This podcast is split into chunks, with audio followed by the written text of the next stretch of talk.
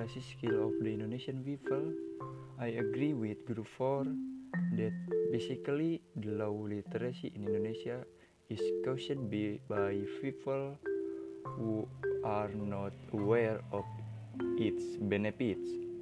More than that, some people still don't even understand the meaning of literacy. Literacy is the ability to read and write.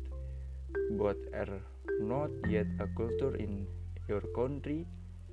In fact, the development of science and culture must start from both. There are several factors that cause literacy skill Indonesian to remain weak, including number one, reading habits have not started at home. Reading activities are still not being used in the family realm. Parents only teach reading and writing in a acceptable level. They are not used to it.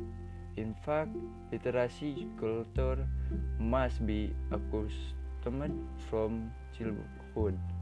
For example, getting used to reading stories for children or teaching them to write a diary. Number two, increasingly sophisticated technology development.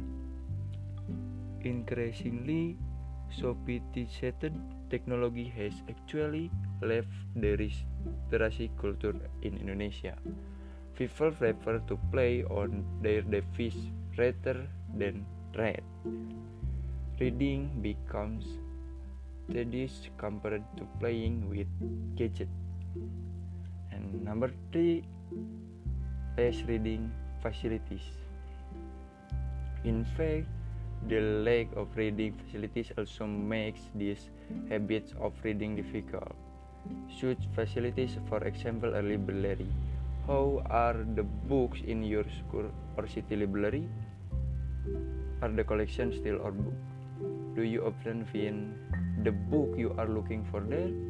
All books and the back of library collection make people lazy to visit.